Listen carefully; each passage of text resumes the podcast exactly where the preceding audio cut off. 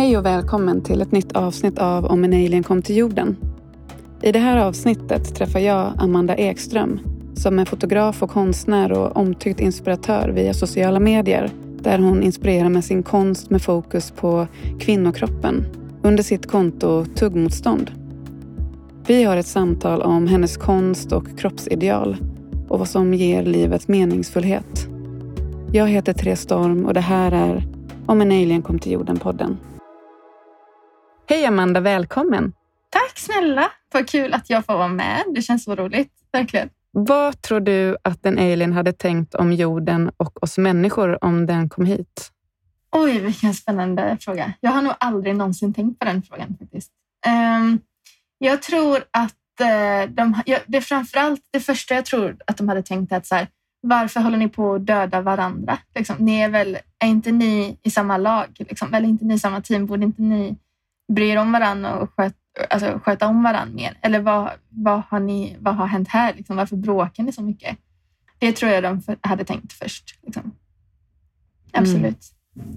Och om jorden, typ så här, det är, eh, jag antar att detta är ett vanligt svar, men jag kan verkligen tänka mig att en alien har tänkt så här, det är ju ett hem. Liksom. Varför, varför tar ni inte hand om det? Vad är det ni håller på och fuckar upp egentligen? Liksom. Det tror jag att en alien hade tänkt. Mm, tack för det. Du är ju fotograf och konstnär och inspirerar dina följare på sociala medier med din fotokonst.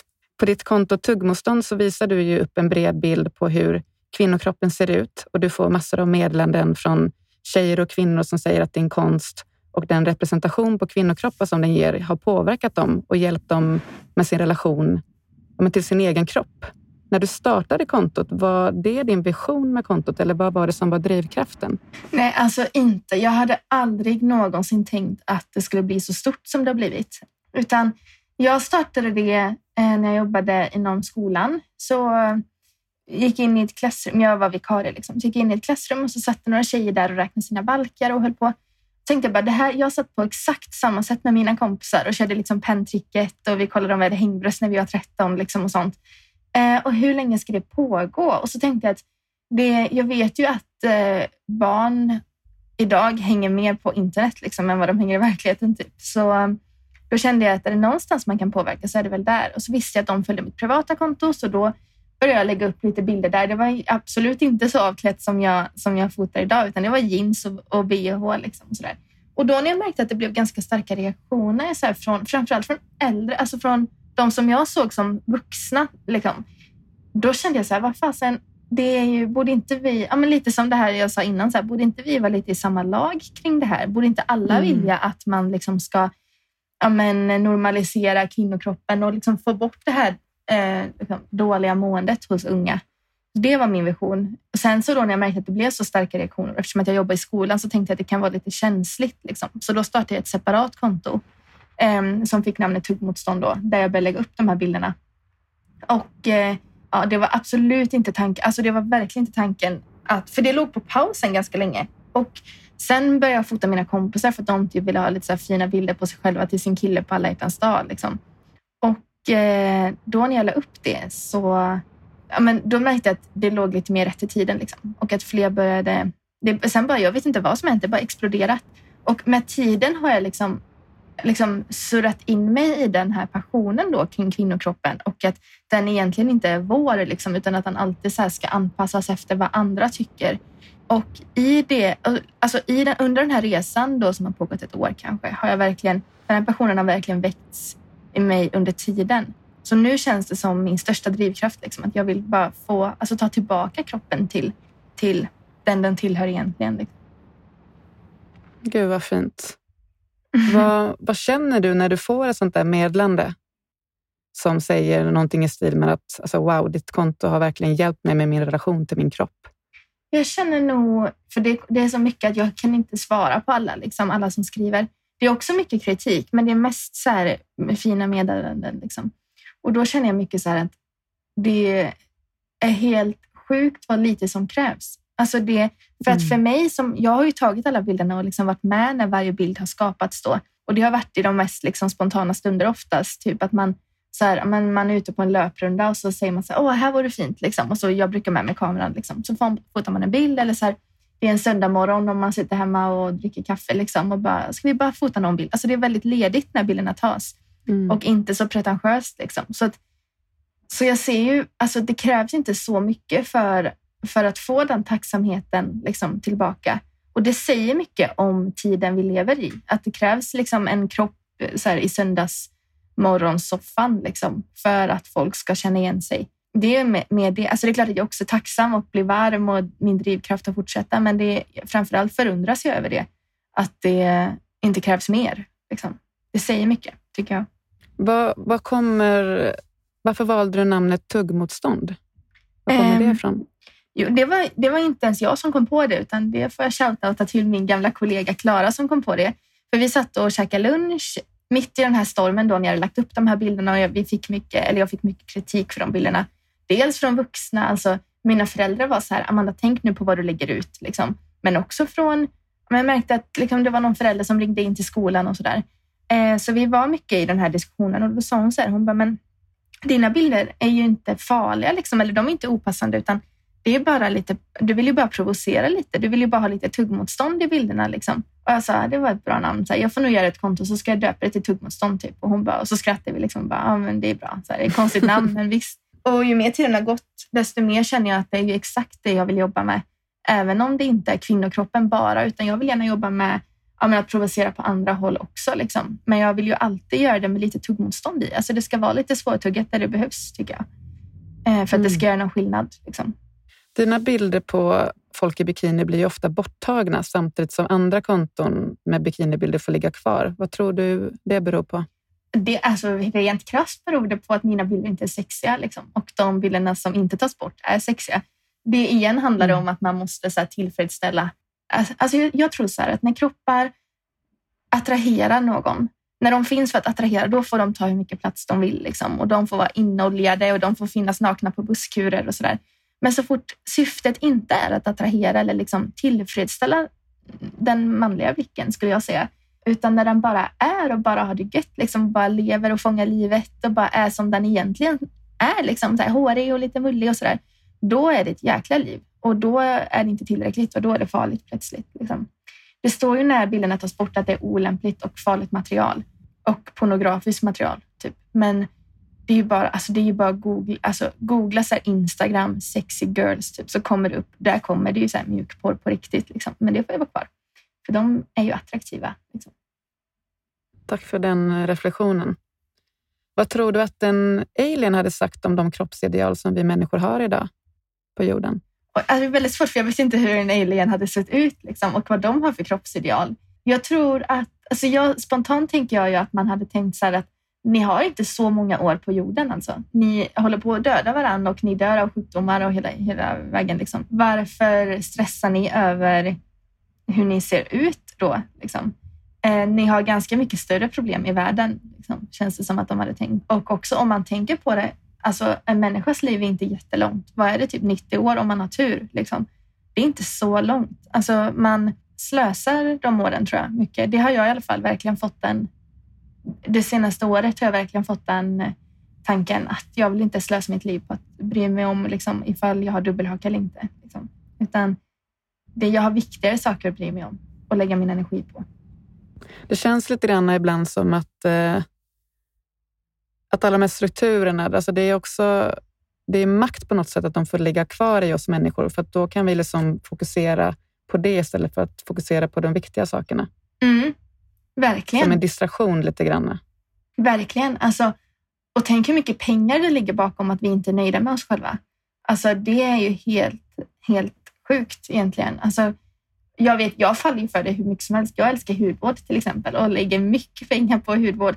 Och tänk, egentligen är det bara pengar på att, på att min hy inte är tillräcklig liksom, inom, mm. inom situationstecken. Liksom, ifall, ifall jag inte har alla de där ansiktsmaskerna hemma. Liksom. Tänk hur mycket pengar som ligger bakom att vi inte tycker om oss själva. Det, folk tjänar ju på det liksom. väldigt mycket. Hur, eh, hur kom du in på att fota fota nakna kvinnokroppar. Hur såg resan dit ut? Var det lite det du berättade om tidigare, att det började när du startade det här kontot? Eller mm. började det redan tidigare? Alltså jag har alltid varit fotograf, liksom. egentligen i typ så länge som jag kan komma ihåg. Det har alltid varit mitt enda intresse, liksom, att bara fota, fota, fota. Och kroppar just, det kom nog i samband med det. Och att alltså, jag, jag tände, alltså, tände till, låter väldigt konstigt, men det är någonting som tänds till i mig liksom, av, av att provocera där, där jag tycker att det behöver provoceras. Alltså, jag tycker om att vara lite där och, och peta typ, i, ja, men, i strukturer. Alltså, jag tycker om att provocera lite där det behövs. Liksom. Så att eh, just kvinnokroppen, det var perfekt tillfälle, som jag sa innan, det var perfekt tillfälle liksom, att få vara där inne och peta lite. Och även om det var jobbigt att få mycket kritik så tyckte jag om det. För jag tänkte så här, yes, nu händer det någonting. Liksom, nu, detta, detta behövs ju liksom för att någonting ska förändras. Jag såg behovet av, av att fota just kroppen och vad det, alltså, att det uppskattas och att det behövs. Liksom. Och som sagt så väcktes den här passionen av att liksom förändra och, och provocera. Typ. Så det var på den vägen. Liksom. Du får ju meddelanden från kvinnor som har anlitat dig som fotograf som säger att du har gett dem en sån boost i självkänslan och liksom också där igen en bättre relation till sin kropp. Varför tror du att det är så? Jag tror generellt att det beror på att eh, man får se sig själv från ett annat håll. Alltså man, man, har också, man är också sin största kritiker jämt. Liksom. Så att när man står och kollar sig själv i spegeln så tänker man nog att, att nej, jag duger inte och fan vad ful jag är och så här ser ingen annan ut. Liksom. Men när man ser sig själv på bild så det, man kanske ser sig själv mer som konst på något sätt. Sen tror jag också att alltså, det händer jätteofta att eh, flera kvinnor som jag har fotat hör av sig till mig om jag lägger upp en bild och bara, är det jag? Är den rumpan min rumpa? Liksom. Eh, så de känner inte ens igen sig själva egentligen. Och det säger också mycket. Att vi, vi, vi har en bild av oss när vi ser oss själva i spegeln, men de stämmer inte alltid överens liksom, med, med hur vi faktiskt ser ut. Och att i slutändan så ser vi väldigt lika ut allihop alla säger alltid så här, gud, är det där jag? Liksom, alltså när de får bilderna, bara, jag kan inte fatta att det är jag. Liksom, jag har aldrig sett mig så här. Det är väldigt fint tycker jag. Det, jag längtar alltid jättemycket efter att få leverera bilderna just för att det är så härlig reaktion jämt. Har, alltså när du fotar kroppar, vad har du för tankar i ditt huvud då? Är det något speciellt som du försöker fånga eller tar du bara liksom in the moment? Eller hur, hur tänker du kring det? Brukar jag fråga vad hon har för komplex? Liksom? Alltså, vad hon annars brukar dölja för kameran om hon fotas. Om alla säger alltid magen och rumpan och lår, alltid. Och då försöker jag lägga fokus på det. Liksom. För att alltså min, mitt mål är lite att det som man annars brukar gömma för kameran, det är det jag vill fota. Liksom. För det är det som behövs fotas tror jag. Mm. Vad, om du fick träffa dig själv som liten, vad hade du velat säga till henne då? Oj, alltså jag hade nog velat säga så här att bry dig inte, bli bara jäkligt bra på någonting. Alltså fokusera på, lägg all tid som du lägger på vad andra ska tycka om dig, lägg dem på att bli proffs på någonting, liksom. för det är mycket mer värt sen. Och bygg dig själv, liksom. gör det du tycker om. Och, jag, menar, alltså jag, hade, jag tror det är många som känner igen sig i det, att man gick, igenom, alltså att man gick igenom olika faser som tonåring. Och mycket så här, men först hängde man med de här rockkidsen lite, liksom. sen hängde man med de här lite mer fjortiskidsen. Typ, så där. Och det var ju mycket, mycket av min här, identitetskris var väl för att jag inte visste vilka jag skulle vara med och hur mycket behövde jag anpassa mig för att få passa in. Liksom. Eh, och det tror jag många, många känner igen sig i. Jag önskar bara att jag kunde säga så här, skit i att passa in, du behöver inte det. Det hade jag sagt. Verkligen. Vad fint. Du nämnde förut, du kallade det för bygga dig själv. Vad skulle du säga har hjälpt dig att bygga dig själv? Utsätt dig för sånt som du inte brukar utsätta dig för, som du hade velat klara av. Liksom. Man, man klarar av allting man vill klara av. Alltså, jag tror också det handlar mycket om alltså se det som att i slutändan har du bara dig själv. Det är viktigast att du trivs med den personen du är, för att alla andra kommer och går. Det tror jag är viktigast på något vis. Men det är som sagt en livslång resa liksom. och det går nog upp och ner. Men jag tror att man alltid ska... Man, man kan ju bara göra en sån liten övning att man en gång i veckan eller varje kväll tänker så här, vad har jag gjort för att stärka mig själv idag? Och är det någonting jag gjort som har rasat mig lite? Liksom? Mm. Eh, och vad ska jag ändra i så fall? Jättefint. Vad, vad ger dig meningsfullhet? Vad, vad brinner du för? Det har förändrats jättemycket för mig det senaste halvåret och det beror på att en, alltså en bekant till mig gick bort i cancer, jätteung, 25 år.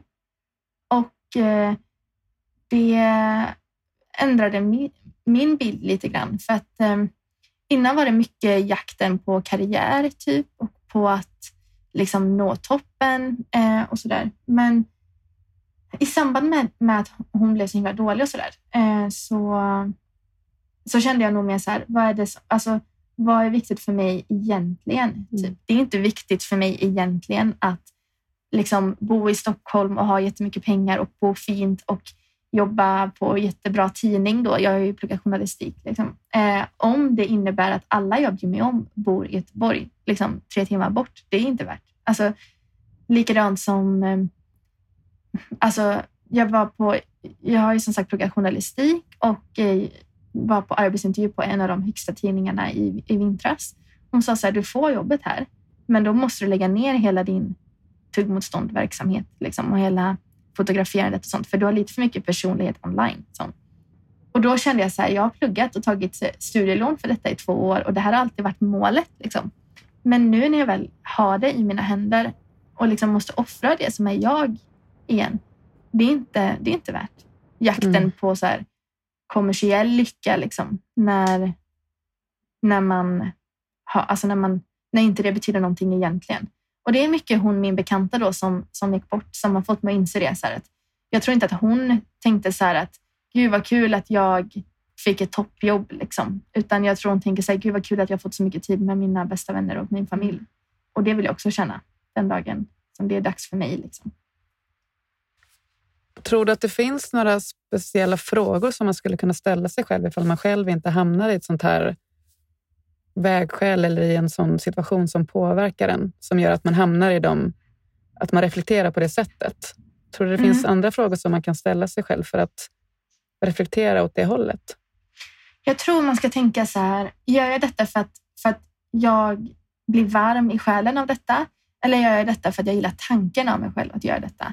Jag älskade tanken av mig att jobba högt uppsatt, uppsatt på en tidning och bo i en sån här lägenhet med trägolv och dubbeldörrar i Stockholms innerstad. Liksom. Jag älskade den tanken.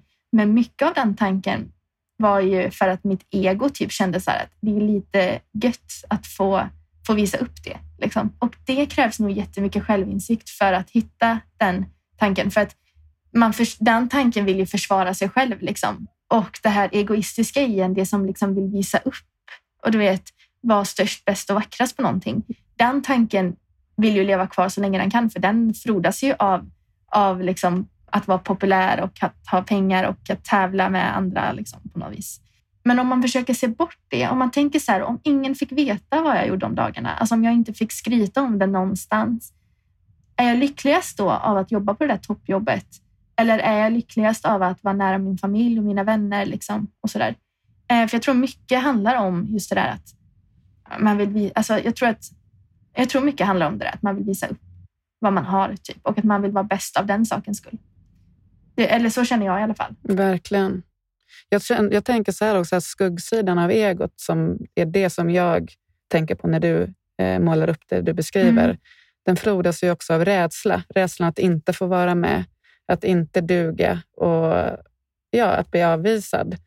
Och de här frågorna känns ju som att det känns som att jag vill samla på massa kraftfulla frågor för att kunna liksom istället utgå ifrån det du beskriver, längtan och en kärleksfull plats i sig. Alltså det som man, där man egentligen är sig själv när man inte fått de här äh, normerna om hur det ska vara. Mm, verkligen. Ja, verkligen. Alltså jag, jag tror jättemycket det. Så att, ja, men, eh, till exempel, det har ju, för mig har det ju gått, alltså, det senaste året har det gått väldigt bra för mig så här, företagsmässigt. Liksom, mycket bättre än vad det någonsin har gjort. Och jag har fått jobba med, med många som jag liksom alltid har drömt om att jobba med och sånt. Men jag har inte blivit lyckligare för det. Sen är det klart att det också är skönt att att liksom, det är såklart också att så här, det är skönt att tjäna sina pengar. Man behöver inte stressa över den biten. Och eh, jag avskyr när folk bara, men det, pengar är bara pengar. Liksom, för att pengar är mycket mer än bara pengar när, man, när det enda man stressar över är att inte ha råd med sin hyra. Liksom. Då är det jätteviktigt att ha pengar. Mm. Så det, jag fattar att man måste ha pengar, men inte, man behöver inte... Alltså mycket vill alltid ha mer. Liksom. Det tror jag man måste skilja lite. För det märker jag. Alltså, jag jämför mig så mycket, även när det har gått som bäst. Liksom. När, jag jobbade, när jag fotade Lindex till exempel. När jag gick ut därifrån så tänkte jag inte så här, gud vad kul att jag fick fota Lindex. Utan jag tänkte så här, fan varför har jag inte fått fota H&M än? Liksom. Men det är bara det. Det handlar hela tiden om det. Och hur mycket man än har så vill man alltid ha mer. Så då, jag tror att någonstans måste man bara typ nöja sig med att med att, alltså man ska fortfarande utvecklas, men nöja sig med att man behöver inte hela tiden jaga ännu större hela tiden, utan utvecklas istället personligt. Liksom. Och amen, utveckla, istället för att utvecklas så här, ekonomiskt eller så här, karriärsmässigt så kanske man kan utvecklas harmoniskt, typ, om du fattar. Alltså att hitta Absolut. lugnet eh, och utveckla relationer, utveckla ett fritidsintresse. Alltså man behöver inte bara stanna upp för att man inte jagar mer pengar hela tiden. Mm. Jag tänker att motgiftet är ju meningsfullhet på något sätt. Eh, Mm. Och det är ju olika för oss allihopa, men jag håller verkligen med dig. Jag kan känna igen det i mig själv och även med många människor som jag pratar med, att det, det spelar egentligen ingen roll vilken dröm vi har när vi uppnår den. Om vi inte är, om vi inte känner meningsfullhet och är lyckliga och nöjda med oss själva på insidan, så det kommer inte betyda någonting. Nej, verkligen inte. Mm. Verkligen inte. Utan det är bara det här att man hela tiden vill ha mer. Och jag fattar att man kan tänka sig, om det är lätt för, för er att säga, liksom, typ, eller det, man tänker väl alltid så, det är lätt för dig att säga som har fått göra det och det och det. Liksom. Men, Mm. men det är som du säger, när man hör de som är på toppen liksom, och verkligen har nått dit man vill nå. Jag tror inte de är lyckligare för det. Däremot, det är klart att man blir lycklig av att liksom ha någonstans att bo, att kunna käka något gött på fredagskvällen. Liksom. Men, men eh, man blir nog inte lycklig av att liksom köpa sig en massa saker eller liksom hela den biten som jag tror att många strävar efter idag. Och jag tror också, alltså sen tror jag också att det är viktigt att liksom utve- alltså vilja utvecklas och att inte stanna upp. Mm. Men jag tror många fokuserar på att utvecklas åt det hållet där mest pengar finns och mest berömmelse. Så här, och, alltså jag tror man istället ska försöka utvecklas så här. Till exempel så vill jag bli bra på att dreja nu. Jag har aldrig drejat i hela mitt liv och jag vet att jag kommer inte tjäna pengar på det. Alltså jag kommer bara lägga pengar på det. Men det är någonting som jag tror kommer ge mig mening i livet, att liksom få sitta i en liten drejstuga där jag kan sitta och dreja om kvällarna. Typ. Jag tror att istället för att, istället för att hela tiden jaga där, där pengarna finns, så jaga där du får jobba med det som, som du tycker är kul. Alltså, och för mig är det liksom att vara kreativ och få fota och liksom få ja, men gå på second hand-butiker som jag tycker om liksom, och hela den biten. För vissa är det kanske, inte, alltså för vissa är det kanske någonting helt annat. Liksom. Men att försöka att se så här, är, är detta någonting som jag verkligen, verkligen vill? Eh, eller är detta någonting som, som jag borde vilja? Min största dröm just nu är att eh, vi får flytta till Göteborg snart liksom, och att vi, jag får hitta någon liten lokal där jag typ kan ha som ateljé, så här, måla och fota och också ha lite fysisk butik med mina print och med eh, om jag ska börja måla porslin nu. Typ. Alltså jag vet inte vad jag håller på med riktigt. Men, och, och hela vintagebutikgrejen. Gud vad roligt. Vad kommer den heta? Den kommer ligga under min tuggmotstånd hemsida. Så den kommer nog bara heta tuggmotstånd vintage typ eller så. Och det är kul också för att jag och min sambo har det som gemensamt intresse. Så här, loppis och second hand och fota och filma. Typ. Så vi, ska, vi har den lite tillsammans. Liksom. Jag måste fråga dig, när, när, du, är, när du går på loppisar, vad, vad är det som är tjusningen för dig? Vad är det som för känslor och förnimmelser som är, händer i dig då? Det som händer i mig är att jag tänker så här att när man går in på loppis så tänker man att här finns ingenting för mig. Det första. Många lämnar ju där. Liksom. Alltså jag har lämnat där typ i alla år. Liksom, så här, bara, nej, det är ingenting för mig här. Men det som jag tycker om är när man liksom börjar kolla lite närmare, typ, så kanske man hittar någon vas. Av 800 vaser så kanske det finns en som är fin och så kanske man ser den och bara, den är inte fin här, men den kommer vara fin hemma hos mig tillsammans med de grejerna jag har där. Liksom. Eller typ, jag tycker också om att, eh, ja, men som nu då har jag, vill jag börja måla lite på porslin och glas och sånt. Så då tycker jag om att liksom hitta någonting som kanske inte är så roligt när man ser den nu. Så tänker jag så här, men den här hade man kunnat göra så här med eller så här. Liksom. Eh, det tycker jag om, att tänka så. Liksom. Jag har en sista fråga innan vi kommer fram till de allra sista frågorna. Och det är, nu har du berättat lite om det, vad du drömmer om, men finns det något annat som du längtar efter och drömmer om som du inte har gjort än? Alltså privat så drömmer jag jättemycket nu om att få köpa min allra första lägenhet och där drömmer jag liksom om att få bjuda hem min familj och min killes familj och bara ha så här, laga mat. Eller han kommer få laga mat. Han, jag lagar ingen mat, men han, han lagar jättebra mat. Han får laga mat och liksom vi får dricka vin ihop och så där och julpynta där tillsammans. Jag längtar bara du vet så här, efter att så här, få ha min, e, mitt eget för första gången. Jag har inte, alltså jag har inte bott själv på Alltså, alltså jag har typ aldrig bott själv. Det var något år där, typ 2017, som jag gjorde det, men annars har jag aldrig gjort det. Eh, bara bo själv och så här, ja, men få, typ få köpa thaimat, du vet, somna på soffan. Hela den biten längtar jag efter. Och då få ha min lilla butik, ateljé och hela den biten. Men rent, alltså mer som jag drömmer om nu då är att få eh, skriva färdigt min bok som jag jobbar med mm. och publicera den. Och den, alltså det känns också läskigt för att den är väldigt utlämnande. Liksom. Men det drömmer jag om. Och sen drömmer jag om att få i min second, alltså satsa mer på min second hand, eller ja, second hand och min printbutik nu, för jag säljer mina print i min webbshop. Och jag vill också ta in andra kreatörer där, typ folk som skapar allt möjligt som har lite med tuggmotstånd att göra. Alltså kanske kroppar eller något som provocerar på något annat sätt. Liksom. Få ta in det i min butik och liksom lyfta andra kreatörer och liksom jobba mycket med unga företagare och få coacha i det och så. Det drömmer jag om jättemycket. Gud vad kul. Jag blir så nyfiken på din bok. Vill du berätta lite mer om den? Eh, ja, det kommer vara en... Eh, alltså, det grundar sig i att jag har haft den här idén så länge och jag har gått i det senaste året. Jag har gått. Jag har typ gått hos 30 förlag och jag har varit på möte efter möte efter möte, men jag har alltid fått nej. Så då känner jag bara så här, vad fan, alltså nu kan jag inte gå runt och vänta på att andra ska tro på den här idén, liksom, utan nu får jag bara starta mitt eget förlag då och trycka den här boken. Och det är jättebefriande, för då känner jag att nu har jag helt fria tyglar då istället för att någon annan ska lägga sig i. Liksom. Så det var nog helt 100 procent meningen att det skulle bli så. Eh, så den kommer handla om, det kommer vara mycket bilder i. Den kommer vara en sån här eh, coffee table book om du vet, liksom. en, en bok man har framme, typ tanken med bilder i, men också med kortare texter kring som handlar just om det här att tappa bort sig själv och att tappa bort ägandet till din egen kropp liksom, och till, ja, men, alltså som kvinna, att tappa bort, att, ja, men, tappa bort rättigheterna liksom. och hur man tar tillbaka det lite grann.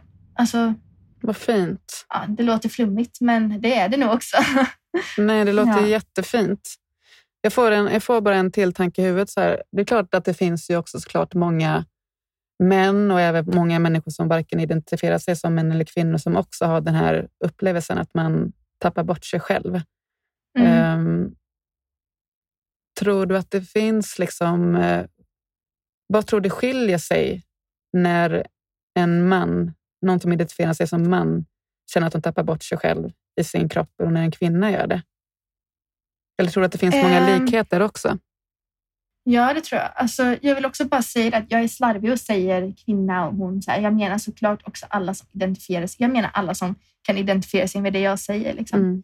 Men jag tror att också att när, när män eh, tappar bort sig själva så är det också farligt för att det är också så här medelålders män som är högst inom självmordsstatistik och sånt. Alltså, jag tror generellt att det, de kanske utspelar sig på olika sätt, men jag tror att, jag tror att konsekvensen blir densamma på något vis att, eh, det blir, att det är farligt att tappa bort sig själv för mycket på ett eller annat sätt. Liksom.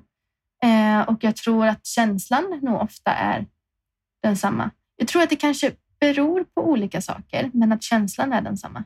Jag vet inte, för jag, kan inte, jag vet inte hur män tappar bort sig själva. Det kan jag ju bara gissa mig fram. Jag vet inte heller hur kvinnor eller icke-binära gör det. Jag vet ju bara hur jag har gjort. Mm. Liksom. Eh, men eh, jag tror att det är det generella. Liksom. Tack.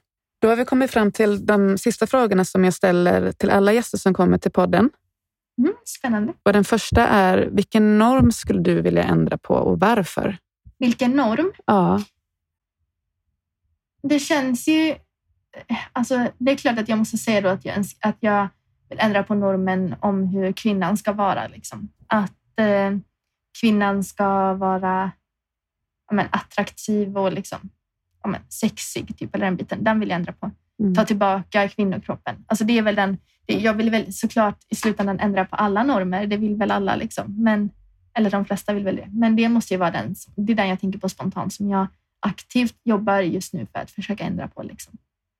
Att, eh, att normen kring kvinnor ska vara att man bara får vara exakt som man är i denna stunden här och nu. Precis, att man inte behöver passa in för att vara tillräcklig, utan att man, utan att man helt enkelt bara får leva livet, vad som man är. Liksom. Gud vad skönt det låter. Mm, visst. Vill du berätta om en person som har inspirerat och präglat dig i livet? Jag har nog inte en person så, utan jag tror att alla som, som står mig nära har varit delaktiga lika mycket. Liksom dels såklart all, alltså alla i min familj, både mina föräldrar såklart och mina mostrar och alltså, nej men, jag, jag kan inte säga en person så, utan, men också mycket de som har betett sig riktigt illa mot mig. Alltså det är mycket de som har präglat vad jag gör nu och vart jag är nu och varför jag liksom vill ta den kampen jag tar nu. Men jag kan inte säga att de har inspirerat mig. Det har de ju verkligen inte. De har ju snarare typ, jag har byggt upp mig genom dem på något vis. Eller efter dem, eller hur man säger. Men, och sen har jag jättemånga vänner som är jättecoola. Alltså. De är jätte, så himla starka i sig själva och, och sådär. Så jag tror att, alltså, generellt tror jag att de flesta jag umgås med, jag umgås inte med så jättemånga, liksom, men de som, jag, de som jag har nära mig har jag verkligen valt med omsorg, eller hur man säger. Alltså, jag tycker alla de inspirerar mig jättemycket och det är viktigt för mig också i relationer, liksom, att, att man får inspireras och, och byggas av varandra istället för tvärtom. Mm. Ja, hundra procent. För att må bra i livet, vad tror du är viktigt för oss då? Eh, det är nog det som vi har varit inne på, att liksom sluta tänka så här. Vad vill, an, alltså, vad vill andra att jag ska göra? Liksom, och börja tänka, vad vill mm. jag egentligen? Alltså, om jag inte fick skryta om detta för någon, vad hade jag gjort då? Liksom? Eh, om ingen visste vad jag gjorde de dagarna, vad hade jag gjort då? Det tror jag eh, är viktigt att tänka så, för att, för att må bra. Tack. Om den som lyssnar på det här blir nyfiken och vill ha mer av dig, då vet de ju vid det här laget att de hittar dig på tuggmotstånd. Men finns det någon annan ställe som du vill lyfta där man kan surfa in och hitta dig? Eh, jag har precis börjat blogga faktiskt på eh, amandaekstrom.bam.se. BAM med tre A. Där är det, alltså jag lägger upp ganska mycket ljudfiler och sånt där liksom för att ha typ en mm. ljuddagbok eller vad för den som liksom vill komma nära in på mig. Eh, och de är inte redigerade eller liksom omtagna eller någonting, utan det är 100 procent från, från stunden. Och så skriver jag mycket mer, alltså det är mer personligt där. Men också såklart vill jag göra lite reklam för min bok. Då. Så den finns ju inte än, men den kommer i, äh, till hösten. Jag vet inte exakt när den, eh, men till hösten. Och eh, man kan följa mig på Instagram för att ha reda, ta reda på när den kommer. Liksom. Det ser jag fram emot, den boken. Ja, vad kul. Tack. Jättestort tack för att du vill eh, sitta här och podda med mig idag. Stort tack från botten av mitt hjärta. Ja, tack själv. Det var jättekul. Det känns som att det var ett jättebra samtal. Det var roliga frågor också. Alltså, det är inte så ofta man pratar om hela typ den kan man säga, själsliga biten. Alltså, utan det, det är mycket fokus i poddar och sånt på karriär och hur man når dit och hur man når dit. Så jag tycker det var ett jättebra samtal. Jag är jätte, jätteglad att jag fick vara med. Ja, tack snälla.